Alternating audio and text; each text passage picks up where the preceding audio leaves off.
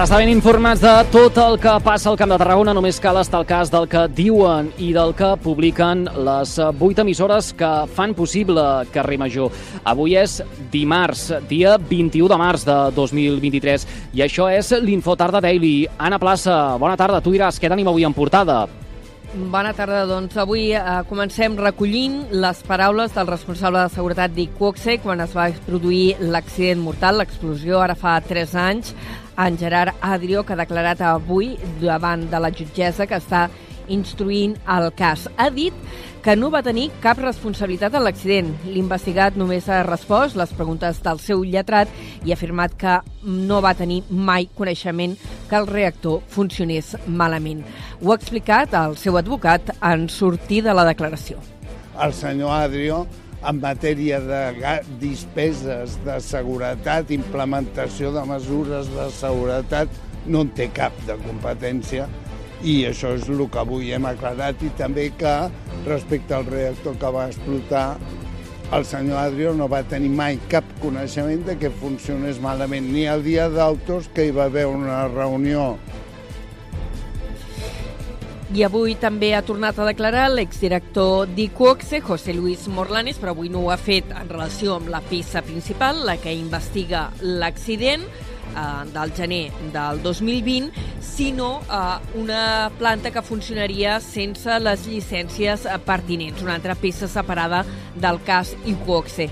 La seva defensa remarca que la unitat tenia tots els permisos desmenteix la versió policial que sosté que funcionava de manera clandestina. Més coses, canviem de qüestió. La Diputació instal·larà caixers automàtics en municipis petits de moment ha anunciat que ho faran una vintena de poblacions de menys de 1.000 habitants eh, que s'han quedat sense servei bancari.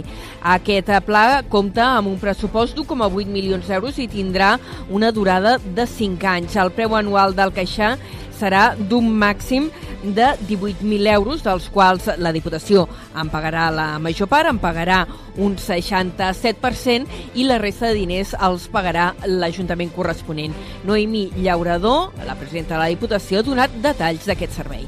Estem parlant de caixers multifuncions, és a dir, que puguem fer les operacions d'ingressar i retirar diners, que puguem fer els pagaments d'impostos i taxes, que puguem doncs, comprar entrades per activitats o espectacles. Per tant, eh, caixers que han de permetre realitzar el màxim d'operacions bancàries. Aquest mes de juny s'obrirà la convocatòria per tal que els municipis presentin les sol·licituds i posteriorment el projecte sortirà a licitació perquè se'n faci càrrec una entitat bancària.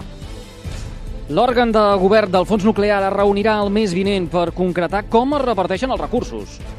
L'anunci l'ha fet el conseller d'Empresa i Treball, Roger Torrent, que ahir a la tarda va visitar la Ribera d'Ebre, concretament Benaflix.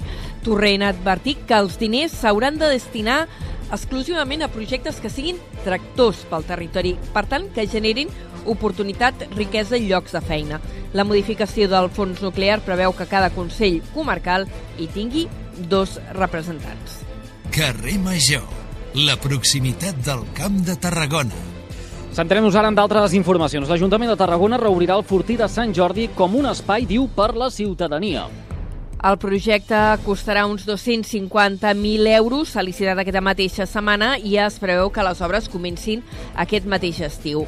La voluntat de l'Ajuntament és rehabilitar aquest espai patrimonial, instal·lar mobiliari urbà, il·luminació, per tal que també pugui estar obert de nit i acollir fins i tot activitats culturals. L'anunci l'ha fet Herman Pinedo, que és el regidor de Patrimoni de l'Ajuntament de Tarragona. Te'n parlaríem de cara a setembre i espero que de cara a Santa Tecla eh, això estigui obert. Ja he parlat amb diferents departaments, entre ells el, el de joventut que porto jo mateix, també cultura, per a que puguin utilitzar aquest espai per fer concerts, per fer activitats, tot això. El fortí de Sant Jordi, situat a la punta del Miracle, es va construir al segle XVIII i era un dels punts defensius de la ciutat per la banda de mar. La UGT alerta que falta personal a la DGT a Tarragona i temps retard en els exàmens de conduir a curt termini.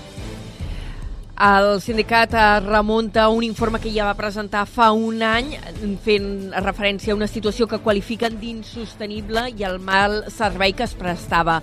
Diuen que la situació eh, no s'ha solucionat passat tot aquest temps. El 70% de les places d'operador de les oficines estan vacants o amb personal interí i obrir una tarda a la setmana a les oficines de Tarragona és el màxim que poden fer. Actualment a la DGT de Tarragona, segons la UGT, hi ha 29 llocs d'operador i només 7 estan coberts. Carrer Major és proximitat. En clau de cultura hem d'explicar que la 27a Fira Trapezi de Reus recupera el carrer amb la nova direcció d'Alba Serraute i Cristina Cazorla. De la seva mà i del 10 al 14 de maig, enguany el certamen, la Fira del Circ de Catalunya, recuperarà el carrer com a escenari principal, que havia anat a menys els últims anys i amb voluntat d'arribar enguany a tots els racons de la ciutat. L'esdeveniment eh, programa per aquesta edició una cinquantena d'espectacles i des de la direcció han destacat que han fet un esforç per incorporar-hi espectacles emergents i fets per dones espectacles d'una banda de la línia més clàssica, de la línia més contemporània, apostem per l'emergència, no la podem deixar de costat, sobretot per l'emergència femenina, vull dir, ha caído així, vull dir, perquè a vegades diem aquesta, evidentment, com veieu, doncs som una codirecció eh, bicèfala i femenina, però la cosa és que realment eh, estem davant d'una fornada de creació emergent el trapezi mantindrà aquesta voluntat de ser l'aparador del circ català estatal i també en presència internacional. i participaran 36 companyies, també hi haurà dos espectacles de cabaret i en total una cinquantena de muntatges. Carrer Major, fent camp de Tarragona. Dit tot això, coneguem quin temps ens espera de cara a les properes hores. Lluís Mivérez, sembla que tindrem una tarda enterbolida, no? Molts núvols prims que van deixant el cel tèrbol, el sol una mica amagat i apagat, però no han de deixar ni una gota de pluja a la majoria de comarques de Catalunya. També, independentment, hi ha alguns núvols una mica més baixos, més amenaçadors, en alguns trams de la costa daurada sobretot, i d'altres que s'han d'anar formant al llarg de la tarda i del vespre a l'Alt Pirineu, especialment al Pirineu lleidatà.